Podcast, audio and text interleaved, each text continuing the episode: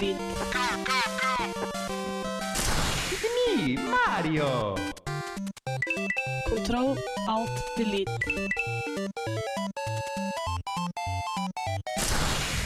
Unable to comply.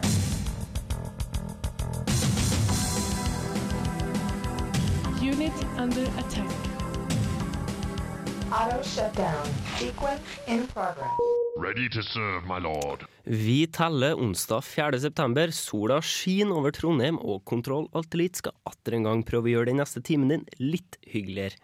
Vi setter i gang showet med å høre på Death by Unga Bunga med Stare at the Sun. Du hører på Kontroll Alt her på Radio Revolt.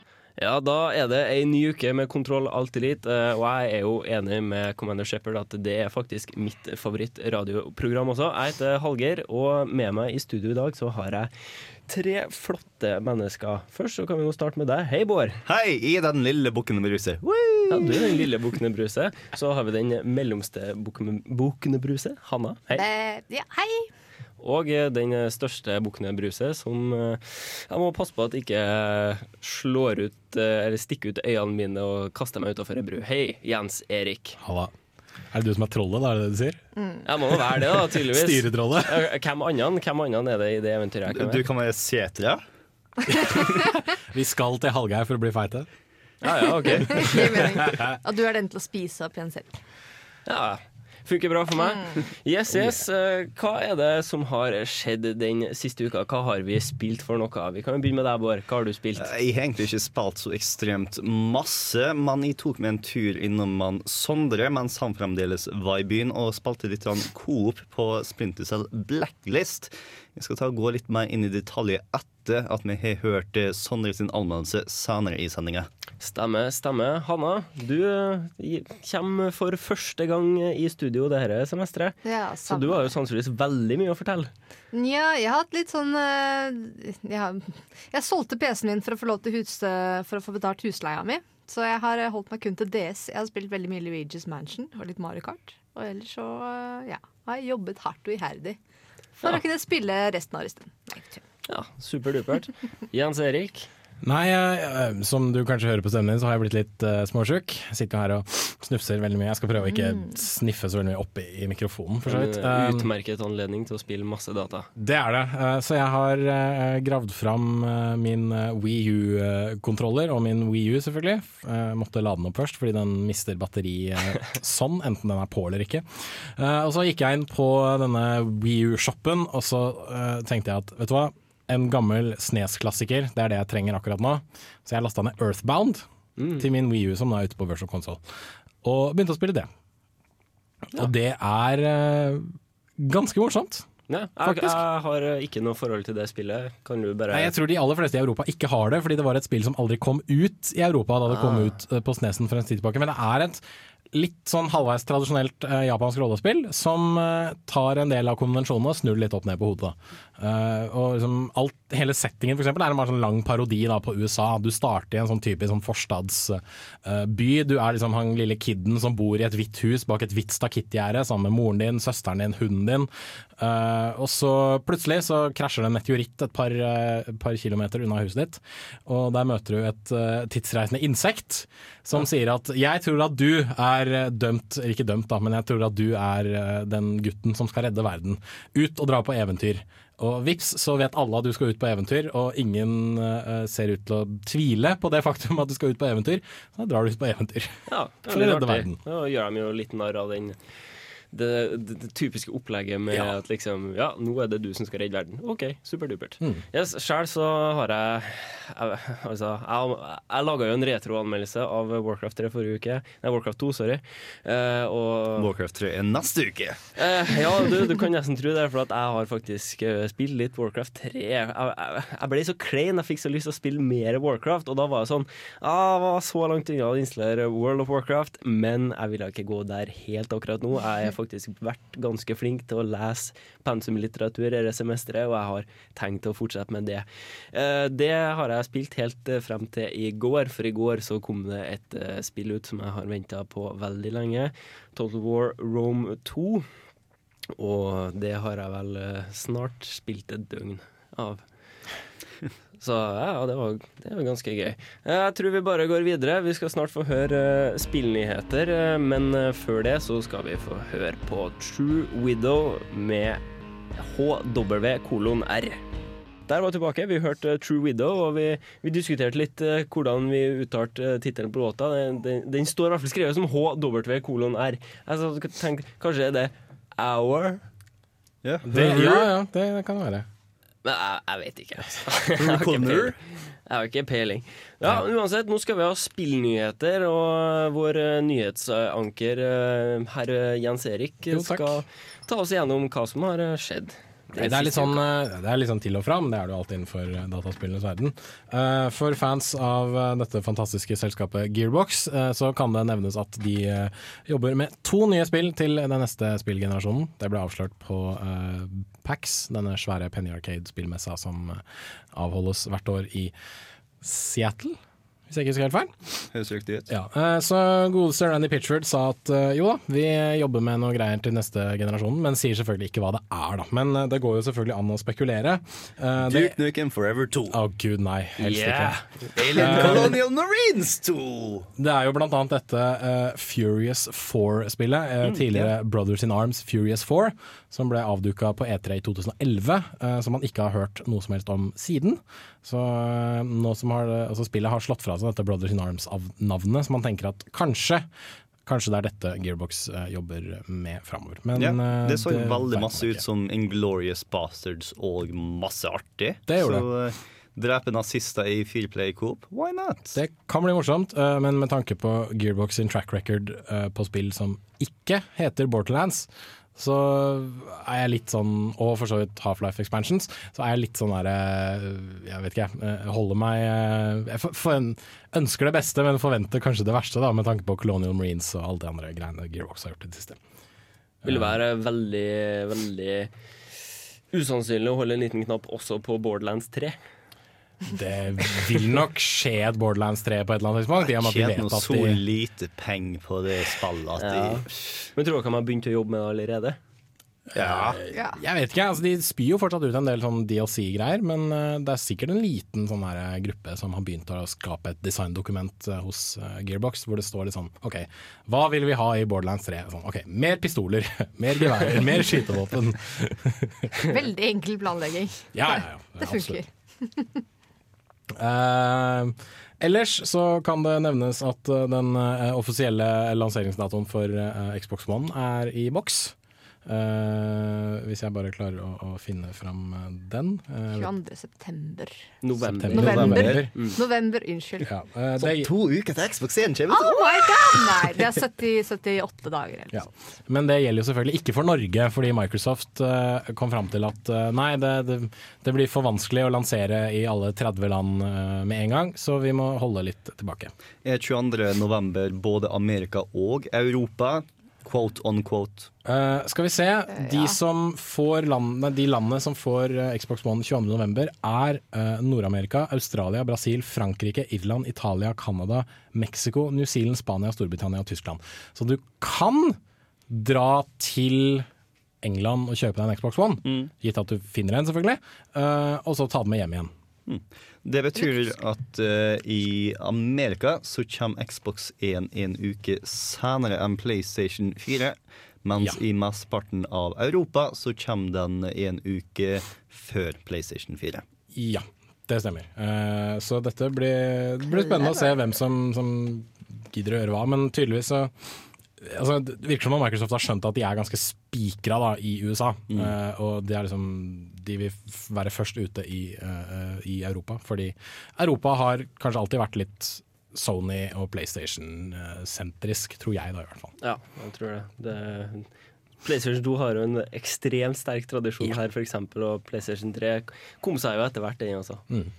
Nei, jeg tenkte at det har noe liksom passer seg ganske fint for Xbox om den kom en uke før PlayStation 4 i Amerika. Fordi at det betydde at da folk skulle komme seg inn på GameStop og Best Buy og alt mulig rart i Amerika, og skulle kjøpe seg eh, Call of Duty Ghost, så er det sånn Å, man, du kan jo ta og kjøpe det på den splitter nye maskinen der alle vennene dine er. Hvorfor ikke? Yeah! Mm, men jeg tror drømmen eh, er litt det at de kom med lanseringsdato egentlig rett etter at de hadde begynt produksjon. Så spørsmålet er om det går opp med produksjon. Mm. For å få det da en uke før, siden de skal produsere til 13 land fra nå av til november. Vi fortsetter med spillnyheter eh, etter ei låt. Eh, Vi skal få høre Green Lion Crew and Chronics med Life Over Death. Herlig reggae fra Green Lion Crew og Chronics der, altså. Nå fortsetter vi med nyheter, og vi kan starte med Pokémon. Ja, det kan vi. Nå har det blitt eh, avslørt at i Pokémon X og Pokémon Y, som jeg vet at jeg og Hanna gleder oss eh, veldig til, så uh, er det ikke tre starter-Pokémon, det er faktisk seks. Eh, for eh, det ble avslørt i dag på en såkalt Nintendo Direct, som Nintendo er veldig glad i å gi. Fordi at eh, nå kan du enten starte med de tre nyeste starterne, eller så kan du starte med de tre originale fra Red, Blue og Green og Yellow. Eh, så Oi. ja, ja, mm, ikke sant. Så sånne eh, supernostalginerder som meg kan eh, gjenoppleve eh, Pokémon-barndommen i en ny tredimensjonal, fantastisk fin verden.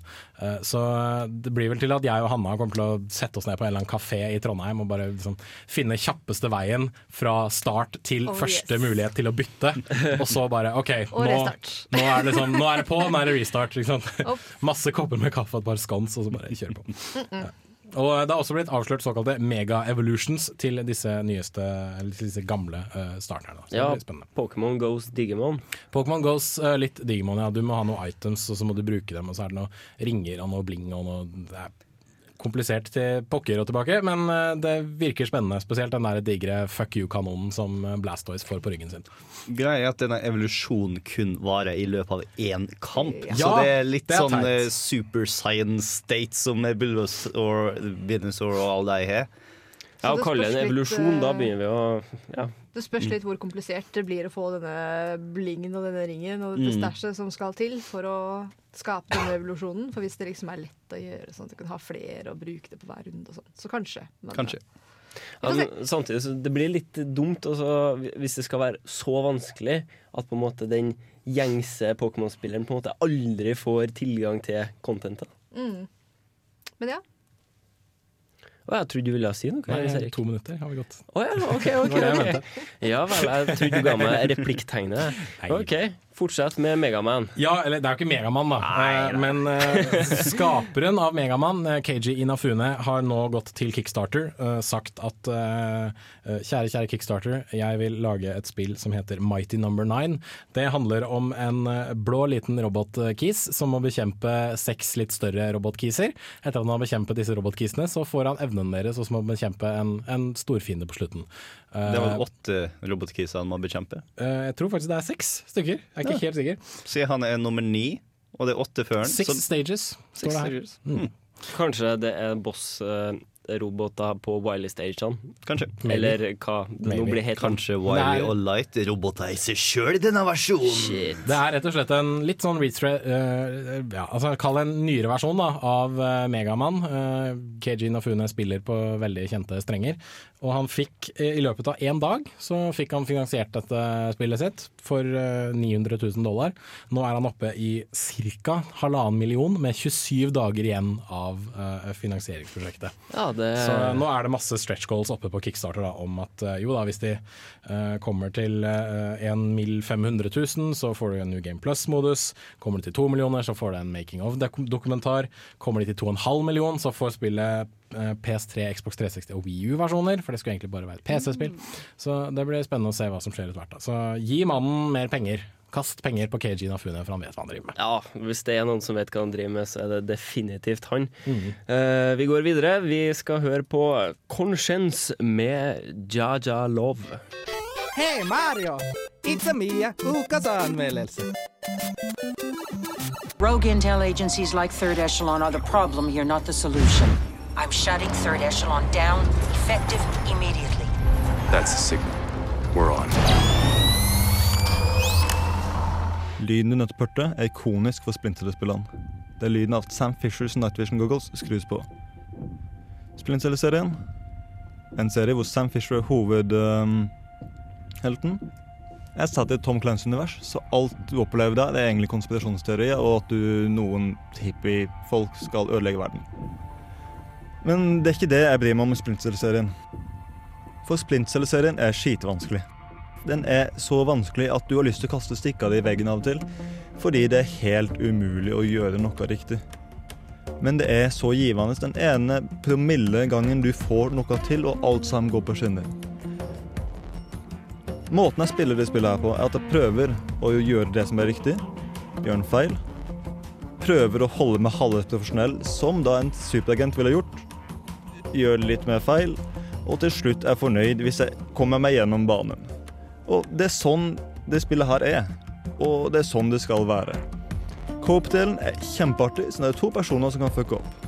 Det er også en del her som heter Spice versus Mercs, som er skitvanskelig. Men det er kjempeartig. Jeg, vil, jeg er kjempeglad i spillet her. Det er kjempeartig. Det får meg til å føle meg som Batman, fordi jeg har på et eller annet tidspunkt bare lyst til å ta livet av alle sammen for å ha færre personer som kan støte borti meg. Og det, det er greit. Det er ikke et lett spill. Det er kjempevanskelig. Det er møkkvanskelig.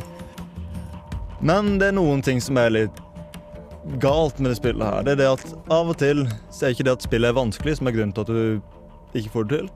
Det er det at noe galt skjer med kontrollene, eller at du ikke får gitt den beskjeden du vil gi til eh, Sam Fisher, slik at du må skylde på kontrollene når ting går galt. Jeg likevel er kjempefornøyd med spillet. Det er kjempeartig. Det er ja, igjen vanskelig som Ja, men Ja. Det er underholdende. Det er artig. Og du kan spille med en kompis. Og men da må du passe på at det er faktisk en kompis, hvis ikke så er dere uvenner. Jeg spiller 8 av 8,5 faktisk av 10, og vel Igjen, det er skitvanskelig.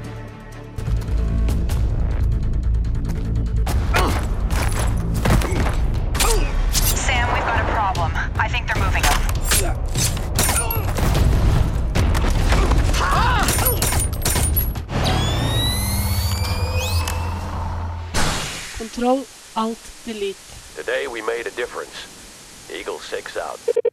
Der fikk vi, der fikk vi Ty Segal med Sixth Street, og før det så fikk vi anmeldelsen til Sondre av Splinter Cell Blacklist. Et uh, vanskelig spill. Var det vanskelig, Bård? Nå må jeg ta forstå at når Sondre tar og klager over vanskelighetsgraden, så er den personen han bør klage over mest, er Sondre sjøl.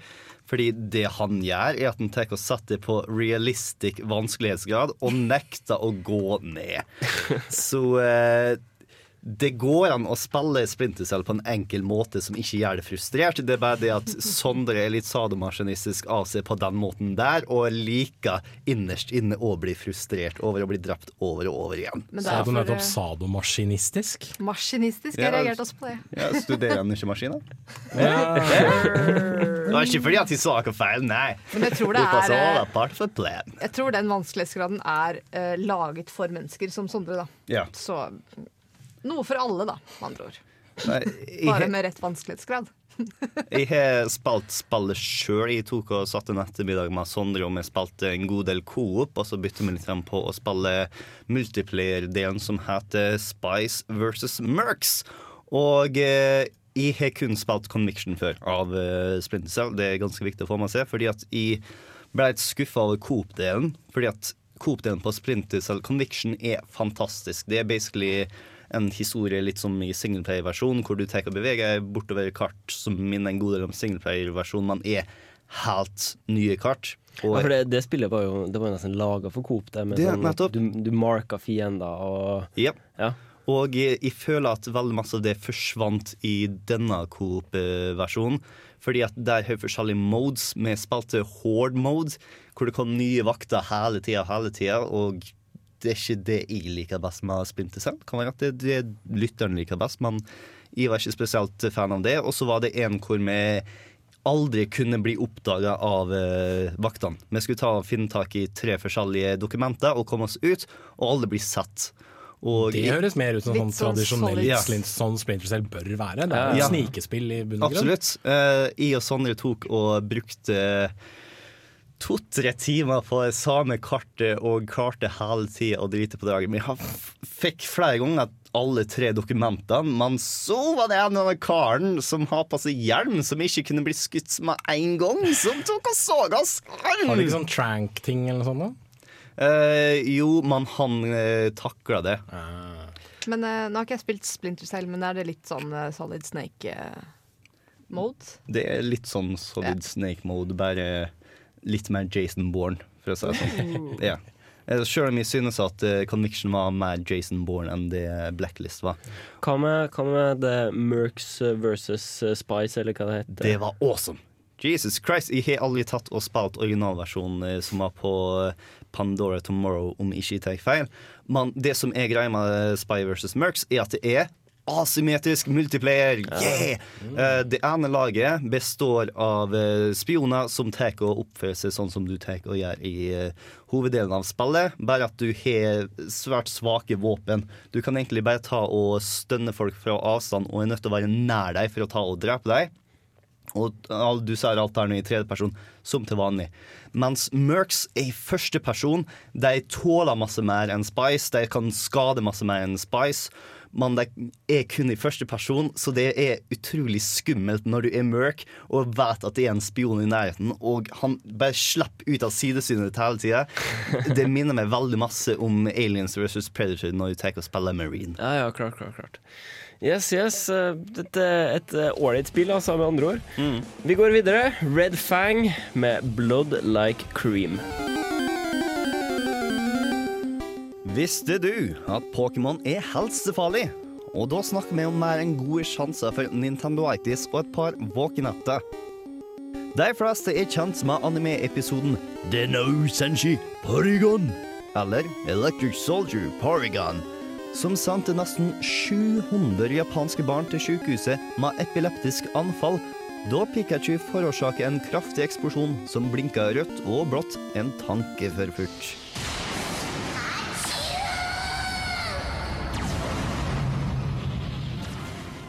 Men Pokémon har aldri vært så helsefarlig som det var i løpet av 2005.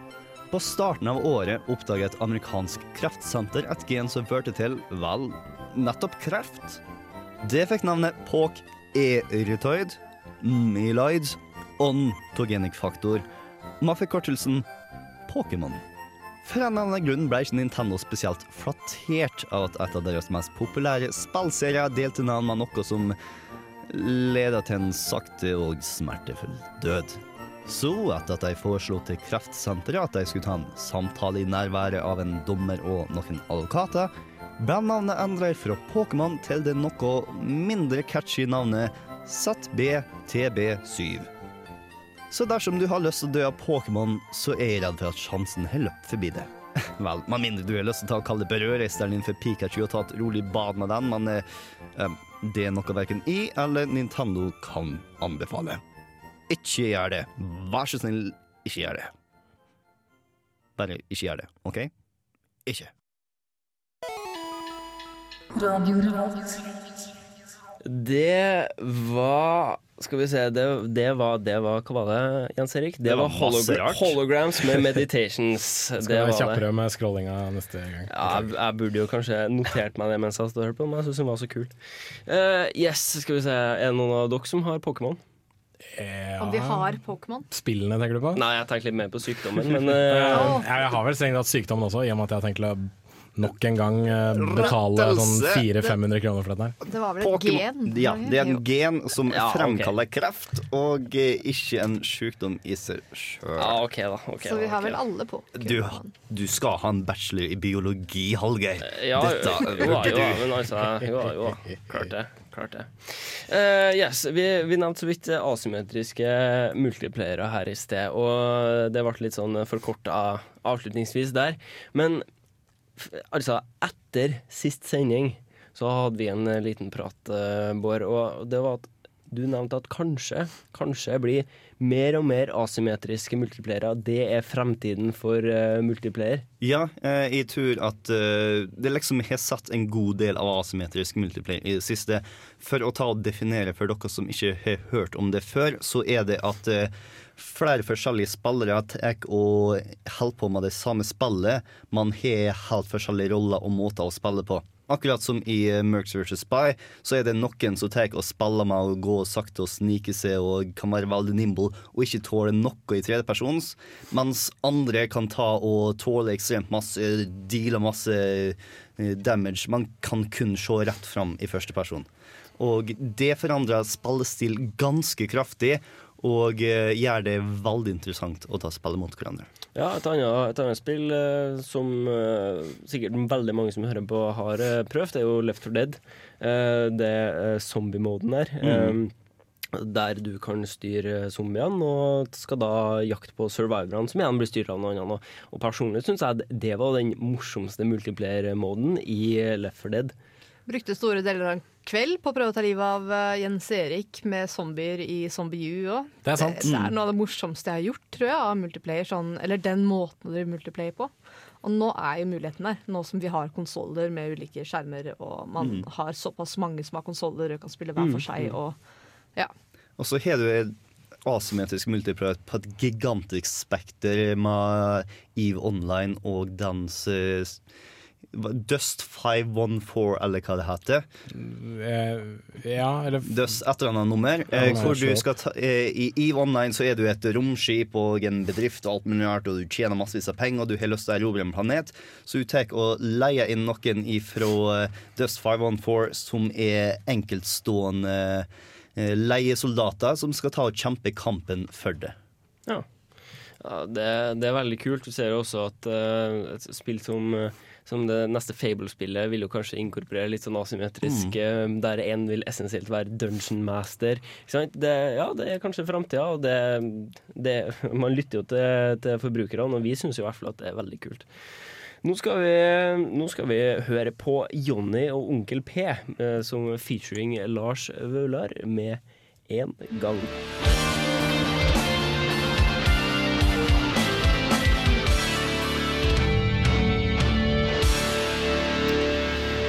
Vi begynner å nærme oss eh, faretruende mot eh, klokka seks, skal jeg si. Vi begynner å nærme oss slutten. Eh, vi skal jo så klart holde på en time til for våre kjære podkastlyttere, så om du har lyst på mer Kontroll Alltid, så må du høre på podkasten vår. Den kommer ut i løpet av kvelden.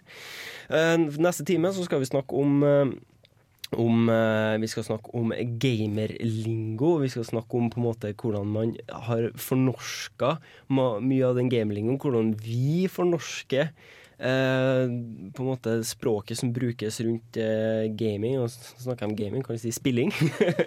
kan begynne der. Vi, skal, vi skal også ta opp en konkurranse som heter for Problemet med problemspilling. Eh, som en eh, konkurranse som, eh, der gamerne fikk komme med sine egne eh, innspill på hvordan de mente at det påvirka deres egen hverdag.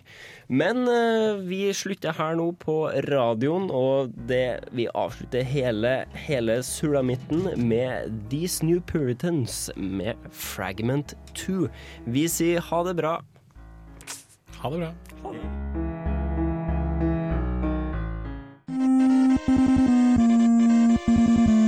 Vi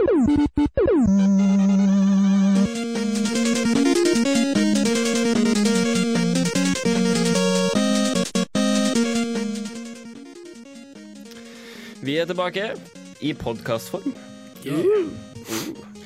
Kanskje folk allerede har hørt på oss i podkastform, men det første nå det føles for oss, i hvert fall, at vi er i podkastform. Jeg jeg må bare beklage de ulåtene som, som nå kommer ut fra min eh, nese. Jeg skal prøve å holde meg litt langt unna mikrofonen. Men, eh, Høres ganske likt ut som Megamann, egentlig, men du har en veldig spesiell nase.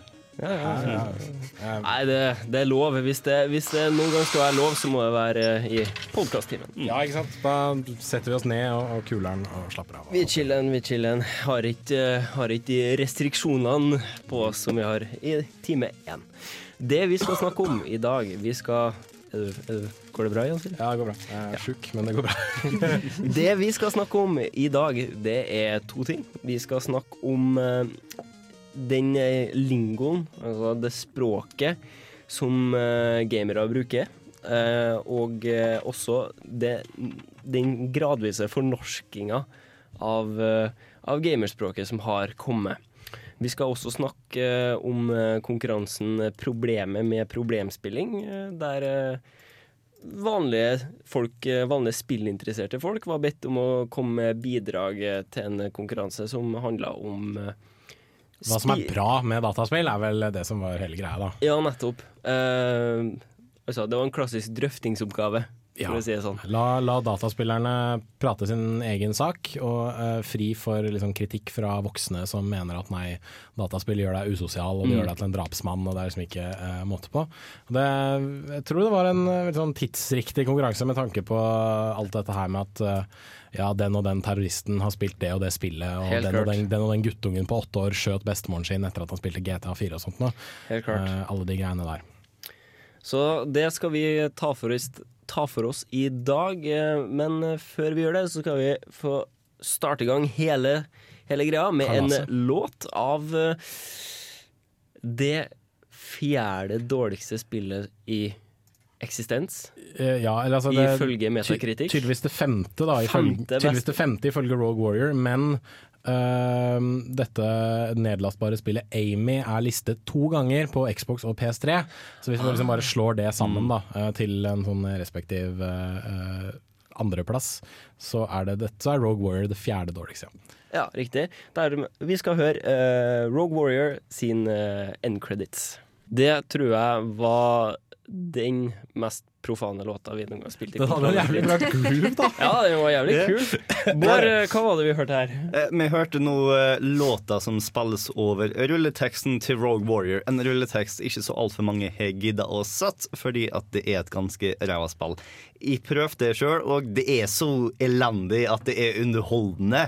Men det som er mest underholdende med spillet, er at Michael og Mickey Rourke. Mickey Rourke eh, tar og spiller den historisk korrekte personen som tok og grunnla eh, Navy Seals. Og eh, spiller ikke spesielt historisk korrekt, men han fer nå rundt og banner som bare det, og de har tatt, og, tatt sammen en hel haug med replikker han ytrer i løpet av spillet. Satt sammen til denne låta her. Men de mangler min favorittytring fra spillet. Som er i et tidspunkt da du tar og dreper en av kommunisten, så sier han Reagan says hello. Herlig. Herlig, herlig, herlig. herlig, herlig. Reagan, ja. Det er jo som uh, Har dere sett Chuck? Har dere sikkert sett Chuck? Yeah. Mm, Mm, TV-serien? Ja, TV-serien. Casey. Ja, så står det bilde av Ronald Reagan i hele huset. Men han, uh, ut fra hva jeg skjønte fra hva han sier i denne låta, så skal han jo offe noen sånn kommunistjævler, så da er det jo passende at han sier 'Reagan says hello'. Mm, det skal foregå på 80-tallet, så. Du sa nettopp rulletekst, jeg sa end credits. Det er all, all introduksjon vi trenger for å høre eh, lytterbrevet fra Ole Hansen. Hei. Jeg tenkte jeg skulle sende inn noen tanker jeg og noen venner har grubla over i det siste. Vi har snakka mye om hvordan vi gamere ordlegger oss, og hvordan vi snakker om spill. I og med at de fleste spill foregår på engelsk, blir det vel naturlig at vi også bruker mange engelske ord når vi snakker om temaet. Jeg personlig misliker egentlig den her. Jeg føler at man høres lite veltalende ut, og fremstår som mye mindre smart enn hva man egentlig er. Spill er en fantastisk måte å lære språk på. Det er i alle fall slik jeg har blitt såpass god i engelsk som det jeg er. Og jeg tror at det gjelder mange andre også. Gamere er generelt gode i engelsk. Og med det i tankene føler jeg at det blir noe paradoksalt at så mange av oss, dere inkludert, nesten ikke klarer å si en setning om spill uten å måtte bruke engelske uttrykk. Jeg vet at dere har rørt temaet tidligere, og konkluderte med at det rett og slett høres dumt ut og fornorsker alt. Jeg er egentlig ikke enig. Noen uttrykk er helt klart best på engelsk, og er så implementert i gaminglingoen at det bare føles riktig. Men jeg føler at mange blir mer og mer grøtatt i språket.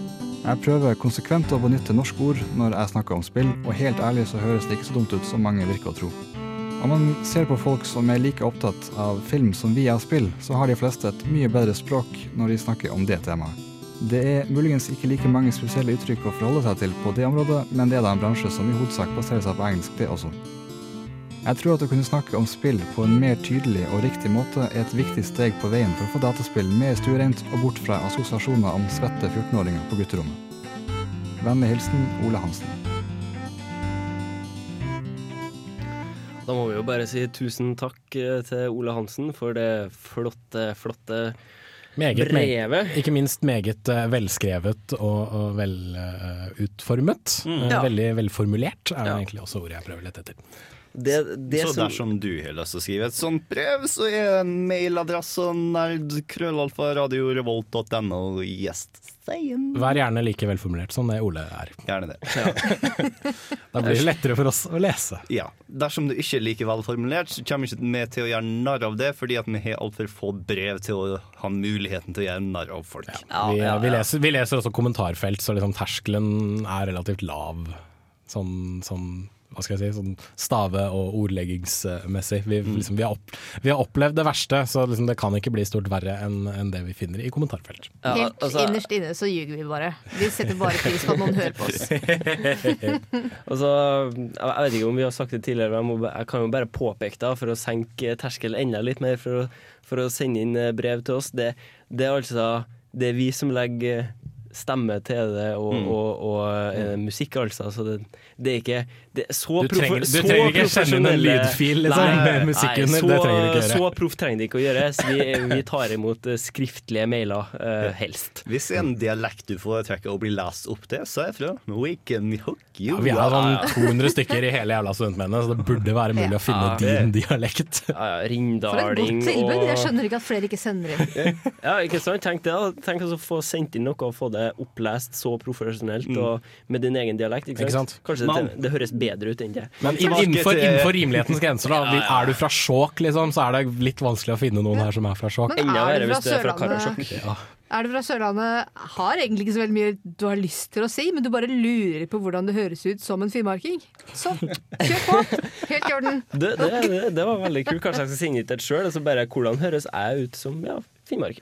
Mm. Yes, men til, til essensen, da. Ja, tilbake til Ole som egentlig sendte inn av mailen her nå for I et år siden. Det er sånn cirka et år siden, ja. Det, beklager at det har tatt så forbanna lang tid. Men det er ble veldig fint, da. Ja, men vi, har vi venta såpass lang tid fordi at vi har lyst til å gjøre det skikkelig. Vi måtte finne den rette innleseren, Ole. Mm. Det var det som eh, Og så Det viste seg å være HMS-sjefen vår.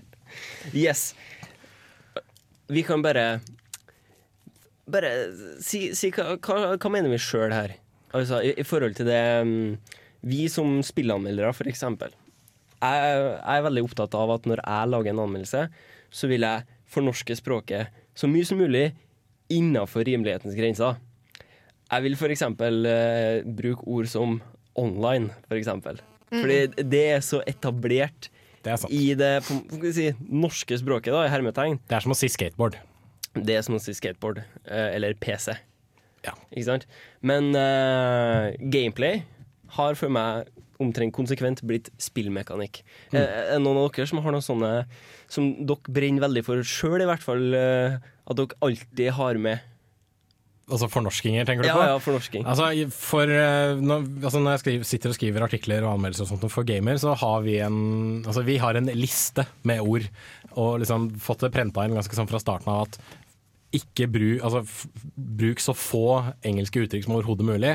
Jeg har kanskje brukt ordet gameplay i tre artikler på uh, snart halvannet år som anmelder for gamer.no.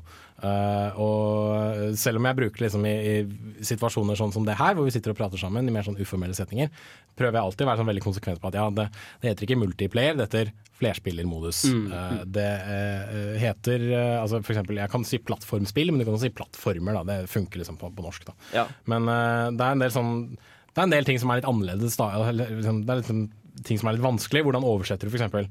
Uh, quicktime event? Eller en boss? Eh, eller eh, slike ting, da. Det er litt sånn litt mer tricky. Altså, for å ikke snakke om altså, en, en ting er at man, eh, at man kan slite med å finne et ord et godt ord for å oversette, men det må jo også gi mening. Det er sant. Eh, altså, du kan jo Altså, boss, sjef. Sjefsmonster. Nå står vi ovenfor sjefen på brettet.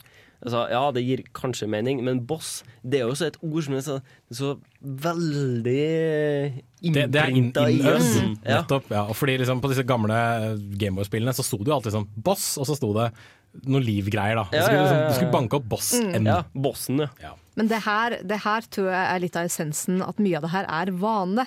Mm. Uh, kall det uvane om du vil, men det er liksom Det sitter så dypt at at det er vanskelig å gjøre noe med. Jeg kjenner på meg sjøl at jeg kan bli mye bedre. Jeg er skikkelig dårlig innimellom. Uh, og lirer av meg helt, ikke bare i gamingsammenhenger, men når som helst. liksom At det smetter inn engelske ord Mm. overalt. Jeg hører det også hos ikke-gamere.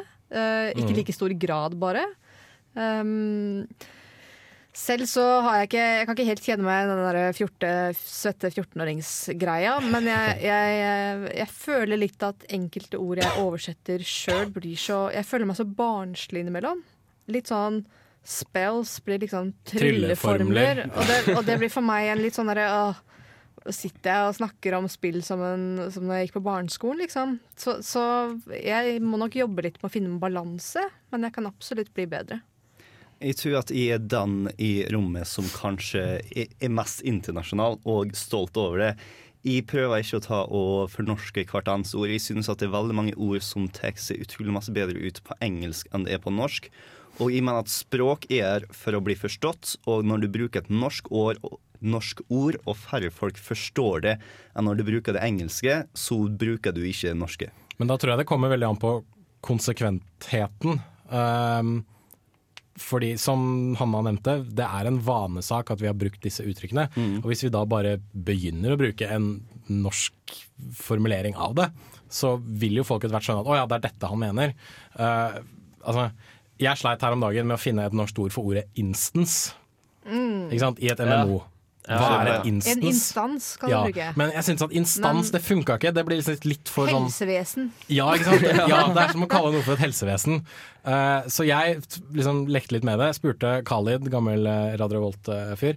Kom fram til ordet skurkereir. Det funka veldig bra. Oi, den var fin! Det var jo knallbra. Skurkereir er jeg veldig glad i nå. Så det bruker jeg hvis jeg da men, skal men det skrive om trenger jo ikke instance. nødvendigvis bare være skurka.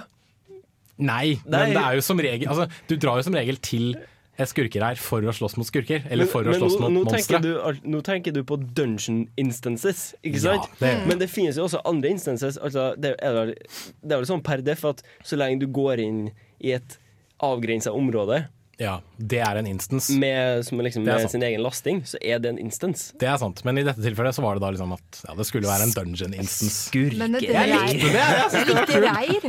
Reir var for Ja, meg noe som Høres ut som kråkereir. Narkoreir. Ja. Det er det GTA, det, hvis du går en tur. Men altså, det er noen, noen ord og uttrykk er bare vanskelige. Altså, cutscene. Hva, hva gjør man da? Altså, Jeg tror funker Kuttescene, det jeg tror jeg kaller det for uh, mellomsekvense. Ja, eller filmsekvens pleier jeg å bruke. ja. Det syns jeg også er ganske, den er ganske grei. da Mm -mm. Uh, liksom Ferdiggenererte filmsekvenser, hvis du skal være sånn veldig veldig uh, teknisk.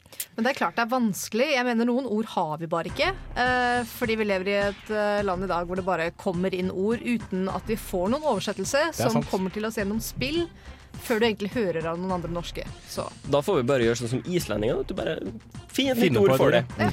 Yes, nå skal vi høre Norio Hansawa med Volcanic. Det var altså Norio Hansawa med Volcanic, og det er fra spillet Mischief Makers fra Nintendo 64. Shake, shake. Shake, shake. Såpass tidlig spill at det var en todimensjonal plattformer på Nintendo. Ja, på Nintendo 64.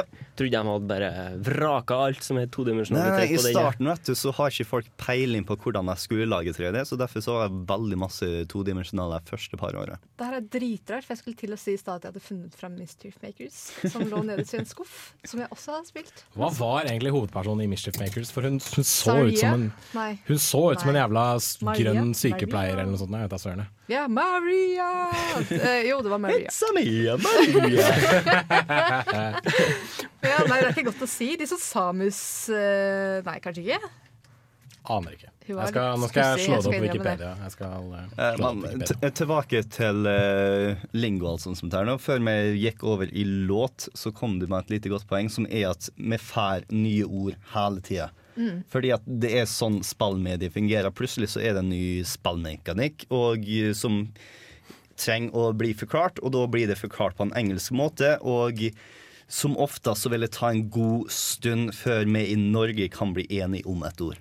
Ja, og der er jo faktisk ordet instance et veldig godt eksempel, for jeg føler det ble popularisert gjennom World of Warcraft. Liksom. Mm. Uh, og der instance betydde dungeon, da. Uh, og, Og i hvert fall for min del, jeg, jeg følte ikke at uh, det ordet hadde blitt noe særlig mye brukt før World of Warcraft, men der var liksom Ja, da, da går du i en instance, og det ble liksom Ja, da betyr det å gå gjennom en portal inn til et skurkereir.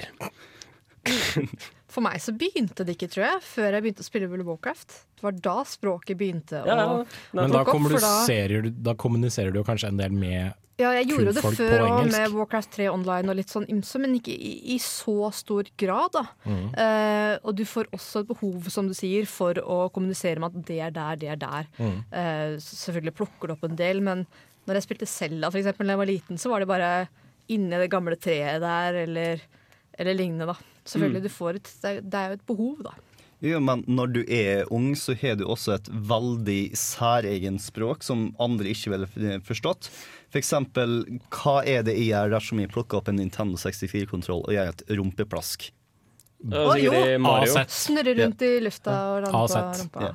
Og så har vi ta med å mekke spill og alt mulig rart som ja, Forskjellen på mekke og runde spill. Jeg tror Ja. man kan sitte og diskutere til krampa tar deg, egentlig.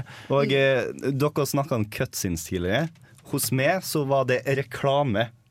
What? Ja, ja. Når det var filmsekvens, så var jeg sånn Å nei, det er reklame, vi kan ikke spille lenger. Ha. ja, ok. Mm. ja, for da, da var du så oh, ung at eh, Da var du så ung at narrativen Den forsto du uansett ikke, for den var på engelsk. Eller? Ja, Ja. det, det var bare folk som bevegde seg, og jeg ville ta og bevege de folka. Så det var reklame. Det var Nå er slutt på moroa, du er nødt til å ta og vente litt, fordi at gud vet hvorfor. Og så etterpå så kan du få ta og spille igjen. Ja, men jeg har også sagt sånn Det kom en video. Mm. Eller sånn etter at du var der, så kom det en video også. Ja, ja, ja.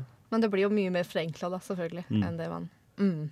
Vi snakker jo mye mer avansert om spill også mellom nå enn det jeg det gjorde med min ha- søster da jeg var det kan jo også ha litt å gjøre med at spillene har blitt mer avanserte også. At det har, liksom, Mm. det har kommet langt flere ord for ting som etter hvert Ja, nettopp, som vi har sagt.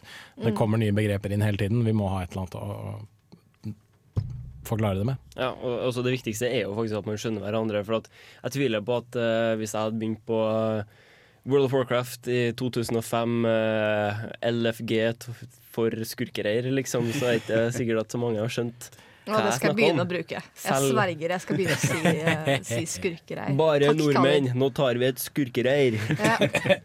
Jeg syns det funka, jeg. Ja, ja, det, det det var, meg, jeg, jeg, jeg kan i hvert fall være enig i at det var et, det var et artig ord, da. Mm. Det var det. Men jeg, jeg merker det at etter at jeg har begynt å, å, å jobbe for gamer og jobbe som frilans- frilansjournalist og liksom blitt tvunget til å finne disse norske uttrykkene, så bru, forsøker jeg å bruke dem langt oftere når jeg prater med andre mennesker også. Mm. Og istedenfor å si at liksom, nei, gameplayet i er dårlig, så liksom, nei, det altså, For eksempel spillfølelsen er dårlig, eller kontrollene er dårlige, eller spillmekanikken er dårlig satt sammen på ulike måter. Mm, Det, mm. det, jeg tar meg selv i å bruke mer og mer norske uttrykk, nettopp fordi da blir det en, det blir en sånn mental greie ut av det også, at da fortsetter jeg å bruke det i liksom alle andre tilfeller òg. Jeg tror, også, jeg tror det også har mye med assosiasjon å gjøre. For med norske, norske ord så har vi så innmari mange assosiasjoner. Hvis jeg skulle slutta sagt spellcaster og sagt en, en kaster, så hadde folk hadde tenkt liksom spydkaster eller Altså, Ja. de hadde ikke dratt, dratt det her i det hele tatt. Eller for Så- den saks skyld en, en, en, en trollmann blir liksom noe annet enn en wizard. Ja, det er. Merlin, troll- det. Ja, ja, ja, I ikke sant? Sverd i stenen, liksom. Ja, nettopp, nettopp. Det er en trollmann. Ja. helt enig. Nei, jeg lurer på om vi kanskje vi bare setter en aldri så liten metaforisk strek for denne diskusjonen. Jeg ser Nei. Bård, du rynker på Jeg har lyst til å snakke mer, altså. Jeg har lyst til å prate litt mer. En ting, jeg lurer, en ting jeg lurer på er altså, Vil dataspill bli litt mer legitimt, som man spør, da, hvis vi kun prater om ting på norsk? Som vi har nevnt, da, en del ord og uttrykk blir jo veldig sånn barnslige og, og høres litt teite Ja. ut, det er jeg enig i. Men er språk med på å skape en legitimeringsprosess?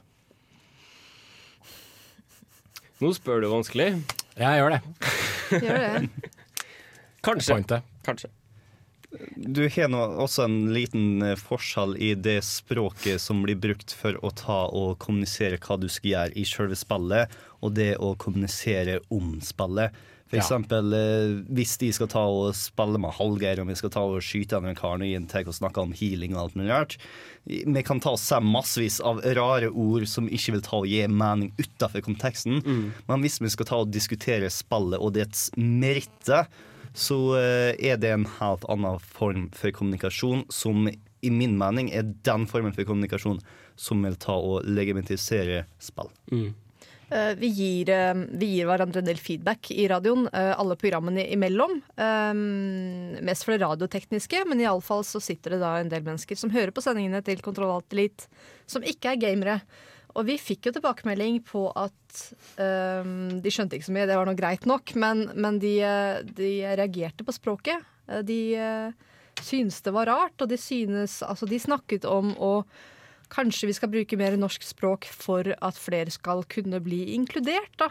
Um, for jeg tror kanskje ikke at norsk Eller kanskje norsk språk er med på å, å gjøre det legitimt, men engelsk er i hvert fall med på å ekskludere folk. Det har jeg tro på. Um, for når man ikke forstår, så blir det i hvert fall ikke lettere å være med og, og liksom ha det gøy sammen. Da. Så den, eh, den kjøper jeg lett. Og en ting jeg også har merka, er at en del eh, spill som er, skal, liksom, skal være universelle for alle aldersgrupper, de kommer på norsk. Uh, jeg anmeldte Rayman Legends for gamer for ca. en måned siden, og eh, måtte låne en såkalt debug-konsoll, eh, fordi det kom en debug-disk fra Ubisoft. Og da jeg kjørte spillet i gang på, på, på den konsollen, så kom spillet på norsk. Oh. Og det er noe Ubisoft har gjort en del i det siste. De har gjort det med Assassin's Creed-serien, veit jeg. Og de har tydeligvis da begynt å gjøre det med Rayman. At hvis du har en konsoll som er stilt inn på liksom landet Norge, så har de da tydeligvis brukt tid og penger på å lokalisere det til norsk. Fordi det er et spill som ikke bare sånne som meg, såkalte hardcore gamere, eh, kan spille. Det er noe liksom en far kan spille med sin sønn på syv år gammel. Eh, og når det da spillet kommer på norsk, så er det jo, som du sier, det er langt mer inkluderende for vedkommende som ikke kan engelsk.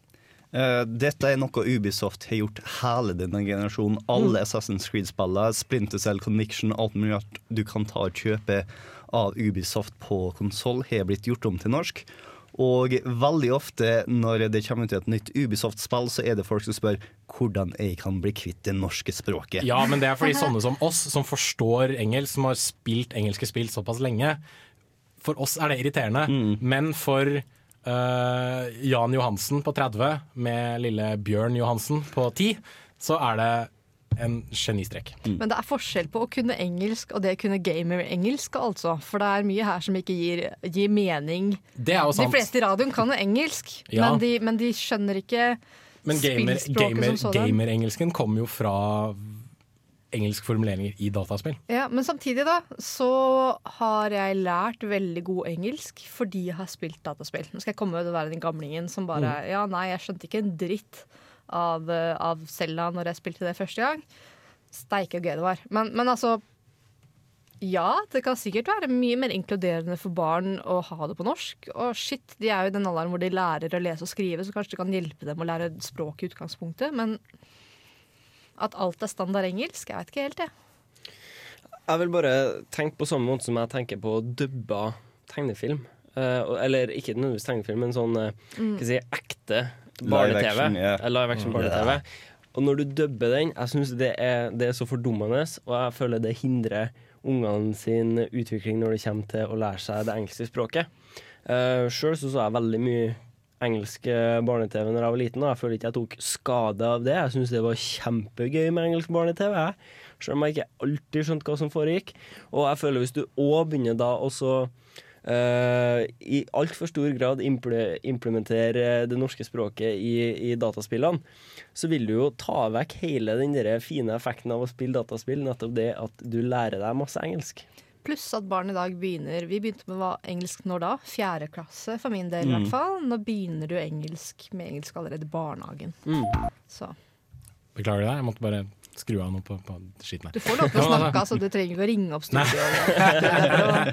Bare si det. Nei, men altså, det, det jeg skulle si var at jeg sier jo ikke at alle spill skal begynne å innføre norsk språk. Det, det er jo, ville jo vært helt latterlig. Da plutselig kan vi jo ikke noe engelsk lenger. Men uh, spill som er universelle, som vil passe for alle, kan mm, være altså Det kan være fordelaktig at disse kommer på norsk, da, tenker jeg. Eh, og da liksom spill sånn som for eksempel Assassin's Creed, Splinter Cell, bla, bla, bla. Det trenger man ikke på norsk, fordi de fleste som, altså de, de som skal spille det, i anførselstegn, er jo de som er helst over 16. Du Bør og ikke spille, bør ikke spille spill der eh, hovedpoenget er at du skal snikmyrde Nei, ikke folk. sant. eh, Er du en og så er du ikke gammel nok til å spille på engelsk, liksom. Nei, ikke sant. Nettopp. Kommer kiden hjem vet du, og spør Ja, men jeg har lyst til å spille voldsspill. Det er jo det eneste hvor de snakker engelsk. Vil du ikke at jeg skal bli god i engelsk?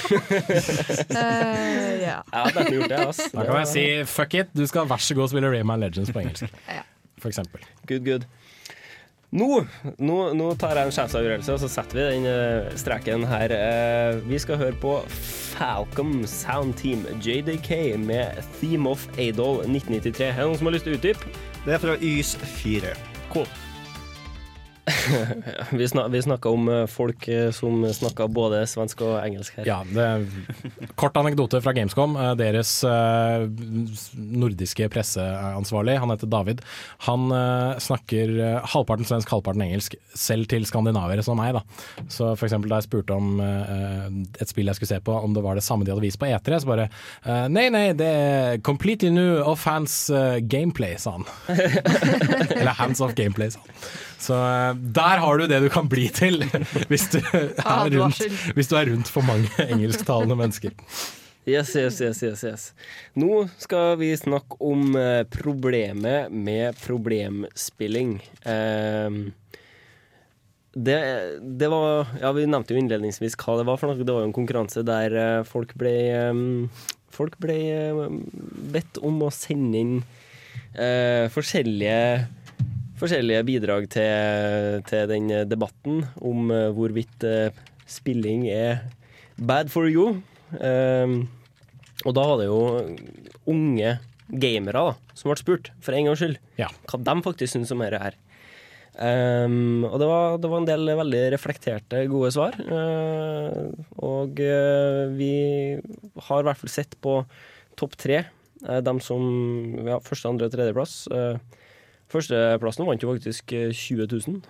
Gratulerer til ham. Det, ikke verst, ikke verst. Det er masse PC. Ja, det, er- du får en bra PC for 20 000. Kan bare legge til Det er Hyperion sammen med Medietilsynet som har hatt den, eh, den konkurransen Ja, her. hva er Hyperion, Hanne? Ja, det Jeg får det gjennom Khalid. Han er Ja, for de som- for de som ikke- Det er Transformer?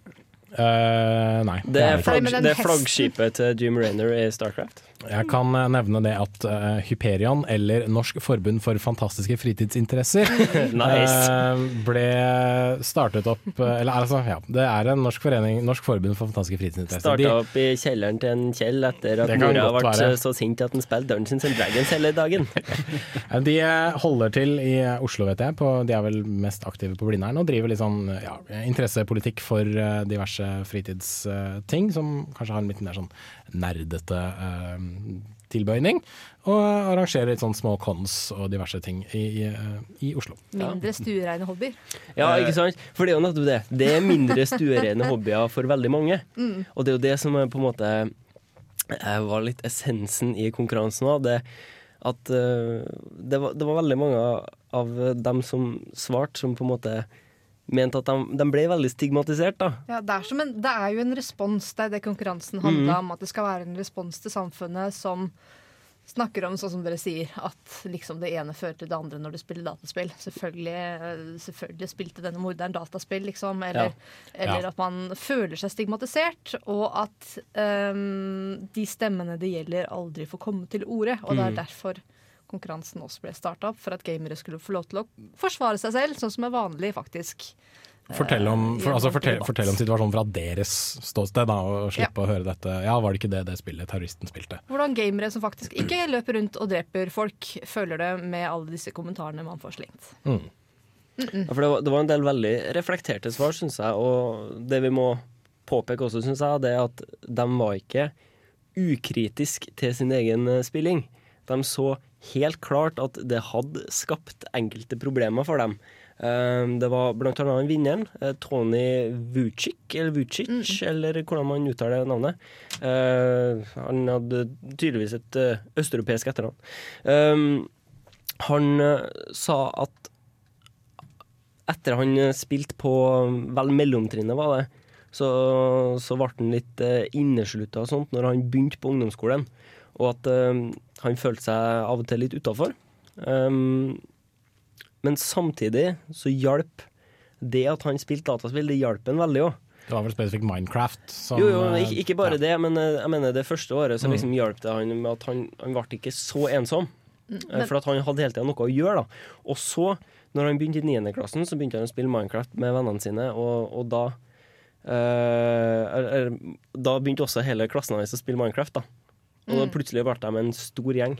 Jeg ble, så, jeg ble litt rørt jeg, av den videoen her, for det er veldig mange ting som jeg kjente meg igjen i. Både fra re reaksjon fra foreldre, eh, og hvordan man på en måte prøver å sette restriksjoner på alt ved å sette helt faste. altså Nappe ut internetten eller, Mm. eller hva som helst. Og, og at venner på en måte ikke forstår spill, helt til de finner et spill de liker, og da er alt spill greit. Ja, ikke sant. Um, veldig veldig mye jeg kjente meg igjen i. Jeg må si at jeg likte veldig godt å se videoen, i hvert fall. Altså, og det, det er jo ganske modig gjort, da. For eh, hvor gammel eh, 16 år gammel. Han er 16, ja. Han, han legger, jo, legger jo ut om seg sjøl og bretter ut sjela si. Det, det gjør jo han andreplass-fyren også, som eh, Ja. Han godeste Eirik Pedersen han har også en lang lang, lang tekst som ligger ute på, på Hyperion sine sider, eh, hvor han utgreier om både fordeler og ulemper som dataspill har hatt. Og jeg tror vi alle kan skrive under på at jo da, det har til tider vært noen ulemper. Vi har kanskje liksom drukna litt for mye inn i eh, visse situasjoner som, med, som kanskje kunne vært unngått, og som kanskje har ført til at vi har gjort ting annerledes enn alle andre på vår egen alder.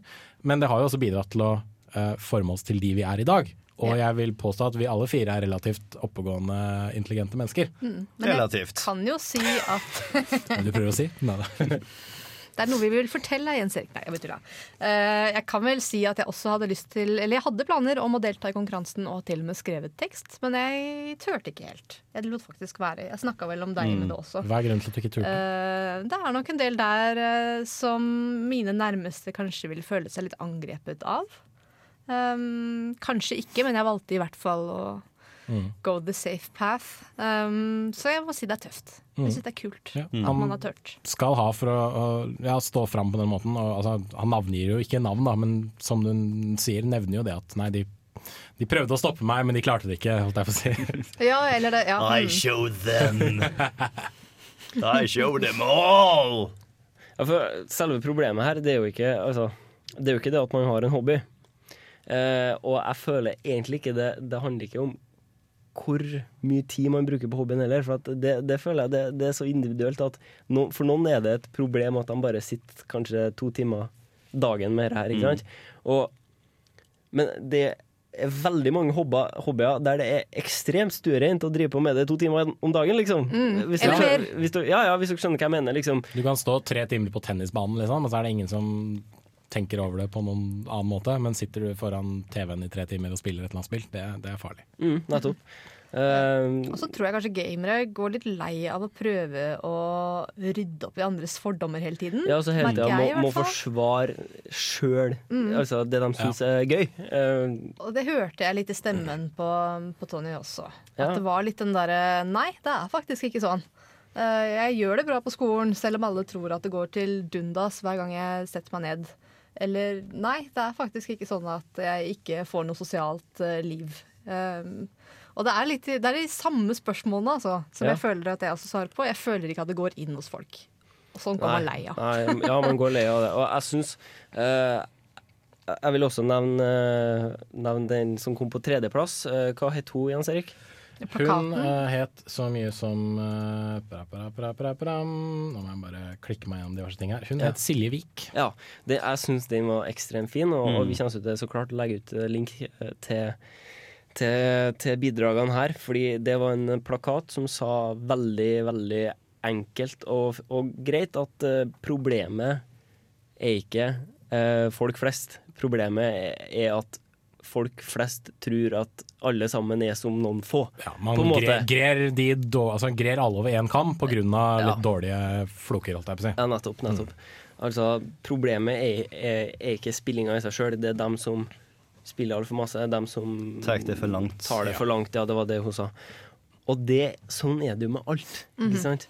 Ja, ja. Fra, Eh, fra fotballnerden eh, til, til bokentusiasten, liksom. Det, Problemet er ikke fotballnerdene, det er alle hooligans. Eh, problemet er ikke alle politikere, det er ekstremistene som velger å gjøre noe dumt. Ja. Og så videre. Det er jo, det er alltid sånn.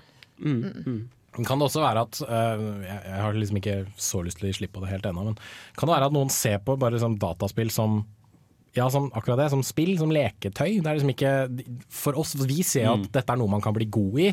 Dette er noe man får underholdning ut av. Det er noe man lærer seg å mestre. Det er noe man øh, i veldig mange tilfeller får liksom utbreda hånd-øye-koordinasjon, konsentrasjonsevner etc. etc., etc. Det er en sosial plattform. Ikke minst. Men kan det være at alle andre bare tenker at å ja, dataspill, det er et spill. Det skal liksom bare være et spill. Det skal ikke være noe mer enn et spill. Et spill Mm. skal være ferdig i løpet av en time. Altså For å ikke snakke om, eh, så tror jeg det er tilfellet blant den i, i, i hermetegn foreldregenerasjonen. da Fordi at i hvert fall dem som blir foreldrene våre nå, de begynner å dra litt på årene. Og, og, og de har jo sannsynligvis fått med seg ekstremt mye av dataspillutviklinga. Og det er ingen tvil, de første dataspillene, det var jo bare leketøy. Det er sant. Altså Mm. Atari og, og så videre og. Og så helt opp til NES også, ikke sant. Det var jo ytterst få av spill på de tidlige konsollene som hadde noe særlig til narrativ. Du kan ta Final Fantasy, for eksempel, det er et unntak. Men til og med skikkelig klassikere som Megaman, Mario Det Altså, det, det har jo en historie, men det er jo ikke sånn det er ikke kjempedypt, liksom. Det ku- på, på den tiden i, i det minste så kunne man ikke akkurat sammenligne det med En bok. Med film eller en bok. Eller. Mitt første, altså min første spillkonsoll var en Gameboy da jeg var sånn fire-fem år gammel, som ble kjøpt til meg og min eldre bror. For å holde oss litt sånn der, eh, opptatt på familieferier, sånn at vi ikke skulle krangle med hverandre. Og så kjøpte de én. Nei, de kjøpte to. Oh, ja. En til hver. Fordi de fant, ut at hvis, de fant ut at hvis vi bare fikk én på deling, så ville det bli mer krangel. det så det ble en- Stemmer det. Ja, så det ble én til hver, rett og slett. Men uh, nettopp, som jeg sier, det var en distraksjon, det var et leketøy. Det var noen som skulle holde oss opptatt en liten stund, og så skulle vi legge det fra oss. Det, uh, og, men nå så ser man jo folk som ikke klarer å legge det fra seg, og da blir man jo selvfølgelig bekymra.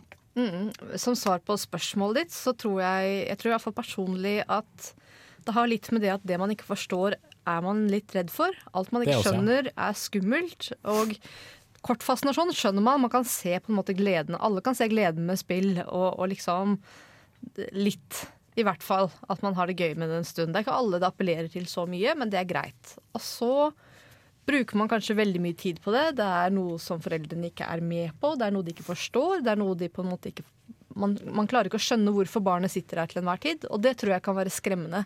Og det tror jeg er ofte grunnen til at man eh, ja, drar konklusjonen med at det er farlig veldig tidlig. Da. Og man så jo den samme reaksjonen når TV-en kom, da filmen kom, Mm, mm. da ungdom begynte å danse, de begynte å høre på radio, de begynte å lese tegneserier. ikke sant? Samme greie. Ja, Da magasin kom, så var det Ja. sånn Vi sitter ikke og er sosial i stua lenger. Hva er det som skjer? Vi kommer til å gå rett til helvete. Da brev kom. Ingen snakker med hverandre lenger. Hva er det som skjer? Da telefonen kom, Ja. ingen skriver brev lenger. Når et nytt medie kommer, så er det sånn Holy shit, verden er ikke sånn som før. Da må Kan ikke noen tenke på barna, Ja. etc. Og så er det jo ingen tvil om at uh, media er jo veldig glad i å drive skremselspropaganda. Mm, ja. uh, vi har jo f.eks. VG og sånt er jo veldig mye mer glad i å sitere de som eh, eh, er representanter for, uh, for sånn uh, spillavhengighetsfirma og sånt, enn en, Enn spillerne sjøl. Ja. Eller, eller vi si, gjennomtenkte, normale mennesker. For din saks skyld. eh, og folk som ikke nødvendigvis har et økonomisk eh, Gevinst. Ja, eh, det også. Eh, så, så forstår man ikke, så blir man redd, og så får man jo på det det i fleisen, så Ja, og, og som du nevnte, mediene hauser det opp litt. Grann. Altså, da, det var jo en ti-åtteåring som skjøt bestemoren sin etter å ha spilt Grand Theft Auto her om dagen. Ikke her om dagen, men for en måned, måned siden, kanskje? Eller sånt. Eh, Ja, et par uker siden. Dagbladet-artikkelen som skrev om det. eh, ikke, altså Pressfire holdt seg langt unna, selvfølgelig, fordi de er Pressfire, de vet hva de holder på med. Men Dagbladet, sånn vanlige Dagblad, de hoppa på dette her med en gang. da. Ikke et ord ble nevnt om hvorfor denne åtteåringen hadde tilgang til et forbanna våpen. Ja, ja, ja, ja.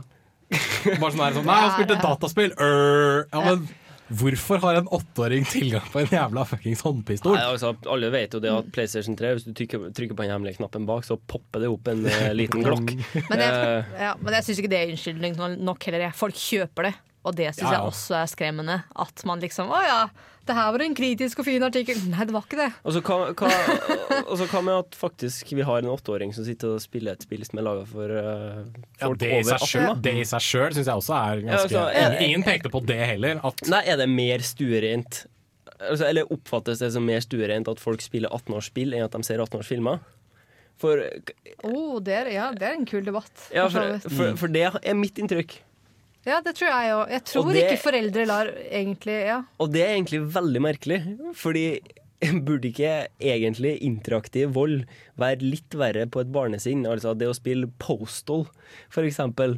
For en liten kid bør ikke at, altså, Eller, altså, vi har så og vi har Hostel og sånne filmer, men For foreldrene mine så var det i hvert fall ikke sånn. Uh, der var det sånn at uh, far min satt med ned og nå skal vi ta og se på James Bond, dette er ordentlig film, gutten min. og så finner de med et par måneder senere spille Golden og bare sånn holy shit! Hva er du holder på med? For jeg venter til du blir gammel til du kan ta og spille sånn. Så bare, jo, men de holder på å lage et nytt James Bond-spill, så de har det til jeg blir gammel. Kjeften på en. Nei, nå tar først lov til å spille meg. Og så spilte de meg. Men jeg tror det kommer, det kommer litt an på hva slags mulighet man har til å distansere seg fra det også. Ja. I en 18-årsgrensefilm så kan altså Det er jo ikke nødvendigvis bare vold, men det kan jo være ja, la oss si voldtekt som skjer, det kan være masse nakenhet som folk ikke er så glad i. Det kan jo også være ting som er regelrett jævlig skremmende, som skjer i 18-årsgrensefilmer. Og det skjer med folk som ser ekte ut, holdt jeg på å si. Så, Mm. altså, man, det er jo ekte skuespillere. Jeg tror det på en måte kan være litt mer traumatiserende for et lite barnesinn enn et bilde der man ser at å ja, dette er ikke en ekte person. For, men samtidig, da blir det liksom, da, liksom Da motsier på en måte argumentet seg selv. Da, at Uh, noen sier at nei, man skal ikke gi 18-årsgrensespill til barn. Samtidig tenker man at jo, det er mer stuereint fordi de er ikke ekte, og man regner med at barna vet forskjellen. Men det finnes også de som sier at nei, barna vet ikke forskjellen, bla, bla, bla. Så er det liksom disse to menneskene som står og hyler til hverandre samtidig. Og det her savner jeg litt eksperter som faktisk kan barnepsykologi, og som kan, og som er på banen og uttaler seg. Fordi et barnesinn fungerer helt annerledes og trenger helt andre input i tillegg for å kunne klare å Det er veldig ofte de barna som kun får eh, voldelig opp over veldig lang tid og kanskje ikke gjør noe annet. De får ikke noe forhold til verden. Altså, det er kjempemye spennende her som kunne vært dratt opp. Det jeg reagerte verst på etter eh, Det var en artikkel som var posta om akkurat det her etter Breivik. Mm. Hvor det var lange uttalelser fra en, en pensjonert general som skulle uttale seg om hvor skadelig dataspill var. Og han har kanskje da ikke tatt i TV-spillet siden han så en kommandoring. Altså det er helt sånn det blir for meg helt vanvittig. Hvorfor skal det her være et tema som det er legitimt å la folk uttale seg om som ikke har noen ekspertise? Mm. Altså, I den graden jeg føler de trekker inn ekspertise, så er det jo alltid Ja. barnevakten.no. Og dem er jo faen meg Dem, dem syns jo alt er skummelt, dem. De, er- de, de må jo ha den mest virkelighetsfjerne oppfatninga av hva barn faktisk gjør Ja. i hele verden. Og du har Pressfire. OK, bruk dem! God damn it! Det er en grunn for at disse, denne dritten ikke kommer fra dem. Altså, nå drar jeg veldig, ja. Men i hvert fall ekspertise er, er litt nøkkelen. Hvorfor skal det være greit å Jeg vil bare ta og si at uansett om eh, voldelig spill er skadelig for barn eller ikke, ikke la spille deg, Ikke fordi at jeg, ikke, ikke fordi at jeg blir mordere, men fordi at generelt barn som spiller voldelige spill, er drittsekker, og vi trenger ikke drittsekker. Ja, og 18-årsgrensa er der for en grunn. Det observante øret, er det lov å si? Ja, hvorfor ikke? Eh, ville kanskje høre at det her var samme låt som vi har til å introdusere time to, nemlig Megaman 2, Metalman-stagen. Det her var en eh, OC-remix eh, laga av en eh, gjeng som heter for Level 99. En gjeng eller en person. Sier soga ingenting om. Jeg skulle nå ha en OC-remix med eh, akustisk gitar i Ja, stedet for jeg vet det. Ja. Altså dårlig tekno, Mm. ikke minst. Ja. ehm, har vi på en måte noen siste ord vi har lyst til å si om eh, den debatten vi har? Eller det er jo ikke en debatt, vi er jo alle enige.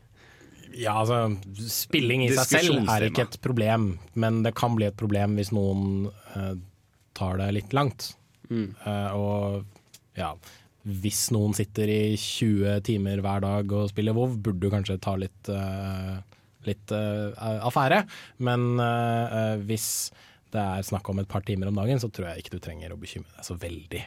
Og de aller fleste uh, som spiller dataspill, de uh, blir jo som regel litt klar over seg sjøl etter hvert og innser at hei, her er det noe som må forandres oppi huet, her er det noe jeg må gjøre annerledes. Og så klarer de etter hvert å liksom innse at ting må, må, må gjøres annerledes. Jeg spilte World of Warcraft hardt en periode. Veldig hardt. Um, og det jeg Hvem er det som har en telefon som står på Det er vel samtlige, tenker jeg. Ja. Det jeg merka veldig godt når jeg spilte mye, um, var at tankene mine dreide seg om det. For det du bruker mye tid på, det Ja. tenker du ofte på. Mm. Um, andre ting var liksom ikke Det du bryr deg veldig om, det betyr mye. Altså det du bruker mye tid på, Mm. det betyr mye. Og derfor ble jeg også sint når noe gikk galt. Fordi det betyr noen ting for meg. Mm. Uh, og når jeg da ikke fikk det til, så føltes det så mye verre ut. Fordi det var det eneste som betydde noen ting. Jeg tror det er veldig, veldig viktig å, å gjøre noe og bruke tid på noe som også får betydning for deg. Ellers så tror jeg det blir så altoppslukende at man blir sint, man blir aggressiv, og klart det, fordi det betyr så mye. Mm, mm. Så moderasjon, altså. Det er, eh, det er nøkkelen. Ja, det, og det er, jo, det er jo nøkkelen til alt. Mm. Eh, For, for alltid da Vi snakka tidligere om f.eks. for eksempel eh, hvis du spiller fotball. Det er ikke sunt å spille fotball i tolv timer dagen heller. Det er det nok ikke. Ikke sant? Eh, På samme måte som Og er det, rart, er det rart da når det går dritt, liksom? At Ja. du blir sur? Nei. Det er jo ikke det. det Kjedelig det da hvis du ikke blir eh, du- tippeliga eller Premier League-spiller. Liksom, ja, og det er jo ikke så veldig plass til så mange i toppen på World of Warcraft heller. I Nei. arena, nei, det er ikke det. Jeg kan også påpeke at Den verste idrettsskaden du kan få hvis du spiller dataspill, det er bare en sånn betennelse i håndleddet. Hvis du spiller fotball, så kan du jo Da kan du skade deg. Ja, da kan du skade deg virkelig. Bare se på en eh, Dag, Dagfinn Enerly. ja. Hvis du prøver å spille fotball etter at du har skada deg, så går det som regel enda verre. Så det er sånn, da, da, har du, du, da har du den fordelen. det gjør det med, det gjør det med dataspillinga. Du, da får du faen meg skikkelig vondt i hånda, altså. Nintendo-itis. Ja, Mm. ja, ja. det- Å ja. Yeah. Da skjønner jeg hva det er det der du får inn i handa når du holder på å snurre rundt og rundt, sikkert. Det er spilltommel. Tommel? Yep. Jeg, jeg fikk det Altså inni handa. vondt i tommelen. Yep. Ah, Ja, men for du er den som spilte sånn, eller på Ja, ja, Mario Party, fiskinga for eksempel. Der måtte jeg på snu Du brukte håndflata, Ja, for det gikk bare Jeg sånn fikk 70 brannsår i ganger håndflata pga. fuckings Mario Party. Ja, ja. Og så ødela Ja. vi samtlige N64-kontroller. Ja, alle sammen var helt sånn løs. Sånne sånn eh, fin eh, Nintendo-mjøl nedi her nå. Ja. Ja. Yeah. Jeg kjøpte noen Unnskyld, liten digresjon her, men jeg kjøpte noen Nintendo 64-kontroller på eBay som jeg tenkte åh, dra opp de gamle Nintendo 64-spillene. Fordi selvfølgelig er kontrollspaken på, på de jeg har, den er jo totalt vrak. Men de gamle kontrollene ga fra seg et sånt fint sånt mel som du snakker om. Og det gjør ikke de nye. Mm. Så de strekker bare ikke til. Det er jo ikke Nintendo-kontroll før det liksom meler ut Det du spiller. Før du kan liksom dra opp en fin sånn der, Ja. hvit klump Også, fra nedi fingra. gnisser du det mellom fingrene dine og tenkte at ja, jeg har gjort en jævlig god jobb. Ja, dere vet hva det betyr? Mario Party, Thomas! Oh yeah! Ja, det var gøy, ass. Mario Ut og kjøp Mario Party 9 til Nintendo Wii. Game Mario på det. Party f- to eller fire. Jeg husker der, var ikke. det der det toppa seg? Ja, det, de, var, de var gode, ass. Jeg vet ikke. Jeg tror vi bare runder av. Ikke helt ennå. Fordi at som dere kanskje husker. Etter sist sending så har vi et sånn fin lite semestermøte med den lille redaksjonen vår. Og så skal vi ta og snakke om hva vi skal gjøre i løpet av semesteret. Og en av de nye prosjektene som har lyst å gjøre, er basically en Kontroll Alt Elite bokklubb. Du vet, bare, man spiller i samme bøker. Hjemmelekse slags. Ja, ja. så vi tar alle sammen og spiller samme spillet, og så kommer vi tilbake en liten periode etterpå, og så diskuterer vi det. Og grunnen for at vi tar oss setter her nå før vi begynner å spille spillet, er fordi at vi har lyst at dere, kjære lyttere, skal spille lag med oss. Ta og Spille de samme spillene og sende inn brev og ta og si hva du fikk ut av det. Og så får vi alle sammen stor nytte av å få med oss andre sin opplevelse av det samme spillet. Eh, Så de type spillene vi har lyst til å ta og gå ut på, er spill som er relativt billig, sånn under hundelappen, som eh, er ganske enkelt å få tak i for folk. Og gjerne kort. Gjerne kort, ja. Ja. Eh, Gidder liksom ikke på Steam, liksom. Steam Final eller Fantasy-lengde på det. Xbox Live eller PlayStation Network eller Steam eller noe sånt som tar nå, Ja, det er er, veldig fine spill. Eh, så jeg tror vi kom fram til at Papers Please er hva vi skal ta og starte med. Papers, Please er en veldig fin eh, sak. Den, har Jeg tjuvstarta litt på Fader, la meg kjøre om kjøpe dagen. den. Tror jeg alle har. tror jeg. Ja, eh, dersom du har lyst å ikke betale noe, så er det en ganske fin beta som ligger ute her nå, så du forstår hvordan spillet er. Ja, men, men bet betaen er veldig uferdig. Mm. Eh, det, det siste produktet har en slutt. Det har Ja. egentlig ikke betaen. Det bare stopper. Ja. Det eh. Det endelige spillet har en eh, historie som tar og gjeng i mange forskjellige retninger, som er det jeg har lyst til å ta og diskutere. Fordi at jeg og Jens Erik hadde en liten diskusjon om ta sist uke, hvor vi har helt forskjellige slutter, fordi at vi har gjort noen kjappe avgjørelser ganske annerledes. Mm. Så uh, Papers Please finner du ute på uh, Steam til hundelappen, eller litt om det. Cirka 100 kroner. Ja. Eh, spillet handler om at du skal ta og være en tollvakt i en fiktiv eh, kommunistisk stat på 80-tallet. Og du starter liksom med noen få regler. altså. Du starter med noen få regler, og så blir det flere og flere og flere regler, så det blir litt vanskelig å følge med etter hvert. Vet, vet du hva det minner meg om? Hva da? Eh, dere Hvis du skal si Grim Fandango, så tror jeg jeg klapper til deg. Nei, jeg har ikke peiling hvorfor du ville at jeg skulle si det. Fordi du Jeg vet ikke. Det, du slår meg som en person som alltid skal bringe opp Grim Fandango. Jeg har gjort det før. Det minner meg på at jeg Men- ikke sprunget opp Persona 4 ennå. i Men, men, men, men, men, men det minner meg om postsorteringa i Flåklypa. Ja! Ja. Det er litt samme greia. Ja, det gjorde det. Sånn, oh, at- det var badass, holdt jeg på å si. Det var vanskelig, det. Ja, det var det gøyeste spillet i Flåklypa. i hvert fall. Yes, yes. Men, ja, men Eh, i hvert fall all den informasjonen her kommer på Facebook-siden. Det er ikke Ja. som om man trenger å ja. Så, eh, Radio Revolt presenterer Kontroll alt delete På Facebook. Ja. på Facebook. Eh, hvor lang tid skal vi ta å bruke på tall? Skal vi ta og ha ei uke, eller skal vi ha to uker? Du gir to uker, du. Ja. For der kommer til å spille masse, masse, Masse roll. men eh, men eh, for øvrig, eh, temaet til neste uke, Mm. det blir jo eh, Det blir en form for eh, Ufrivillig læring i spill, eller eh, spill som eh, pedagogikk. ped- pedagogisk verktøy. Mm. Fordi eh, det, det slo meg nå, når jeg satt og spilte Rome Total at det jeg tror ikke jeg for ei uke siden hadde kommet til å visste hvor Pontus lå på kartet eh, 400 før Kristus. eh, Men det det kan jeg gjøre nå. Men først se om ikke får dratt inn eh, Erik Vibe og hans lærerutdanning inn i studio i sameslengen. Nå kan det jo også nevnes at uh, jeg forrige semester uh, Det var jo forrige semester tok uh, et fag på NTNU som heter Eksperter i team. Oh, som, har et, som har et litt sånn, litt sånn flåsete rykte, men, men hør, hør nå. Uh, temaet var en spillverden på et semester. Og målet var å designe en prototyp til et uh, spill som skulle liksom fungere som, som pedagogisk verktøy. Så, så dette her er noe jeg føler jeg har satt meg inn i, så forhåpentligvis kan jeg bidra en del til eh, ting neste semester. Mm. Neste uke, mener jeg. Så følg med i neste uke av Kontroll alt elite! Kan du være så snill å ikke snakke østlending, for du høres ut som Lars Erik når han parodierer østlendinger. Og Lars Erik er ikke østlending, for dere som ikke kjenner ham. Så mm -mm. Han kommer fra Sørlandet. Men hvis uh, Er ikke det mer sånn lytterne sogn eller noe? Jeg vet da søren, jeg bryr meg ikke. Hvis, eh, hvis Typisk lytterne østlendinger, altså! Ah! Slutt! Det er litt sånn enerverende fra oss som kommer fra Østlandet, ser du. Det blir litt sånn gæli. Ja. Men i hvert fall, hvis lytterne har eksempler på spill de har spilt som de har lært mye av Mm. Eller som de- litt. eller litt. Føler de har lært noe av som ikke nødvendigvis uh, inngår i uh, newyorsk skolepensum. I curriculum. Curriculum. Ja. Så kan dere jo si fra. Eller, eller, eller ting som også har hjelpa dem i skolesammenheng. Et uh, ofte trekk fram eksempel er jo at uh, folk som spiller masse dataspill, blir jo sabla gode i engelsk, f.eks. eksempel Mm. Yes, eh, derfor eh, Og nei, dermed sier vi eh, takk for oss. Nei, for ikke. Nei, jeg må tulla. Jeg er programleder, og nå er det på tide at jeg får bestemme litt, jeg òg. Vi sier takk for oss for denne uka her. Vi avslutter showet med Akifumi Tada med Blue Resort fra Bomberman 64.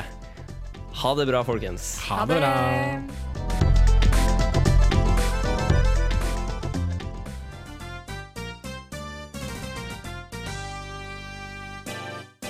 Har du spørsmål, utfordringer, ting du føler vi bør ta tak i, eller noe helt annet du vil spørre oss om, da kan du sende mail til nerd1radiorevolt.no.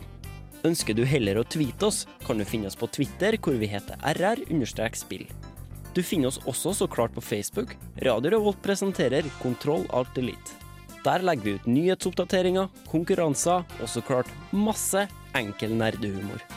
Det var altså e-mail nerd.radiorevolt.no, Twitter rr-spill og Facebook Radio Revolt presenterer Kontroll Alt Elite. Vi høres neste onsdag.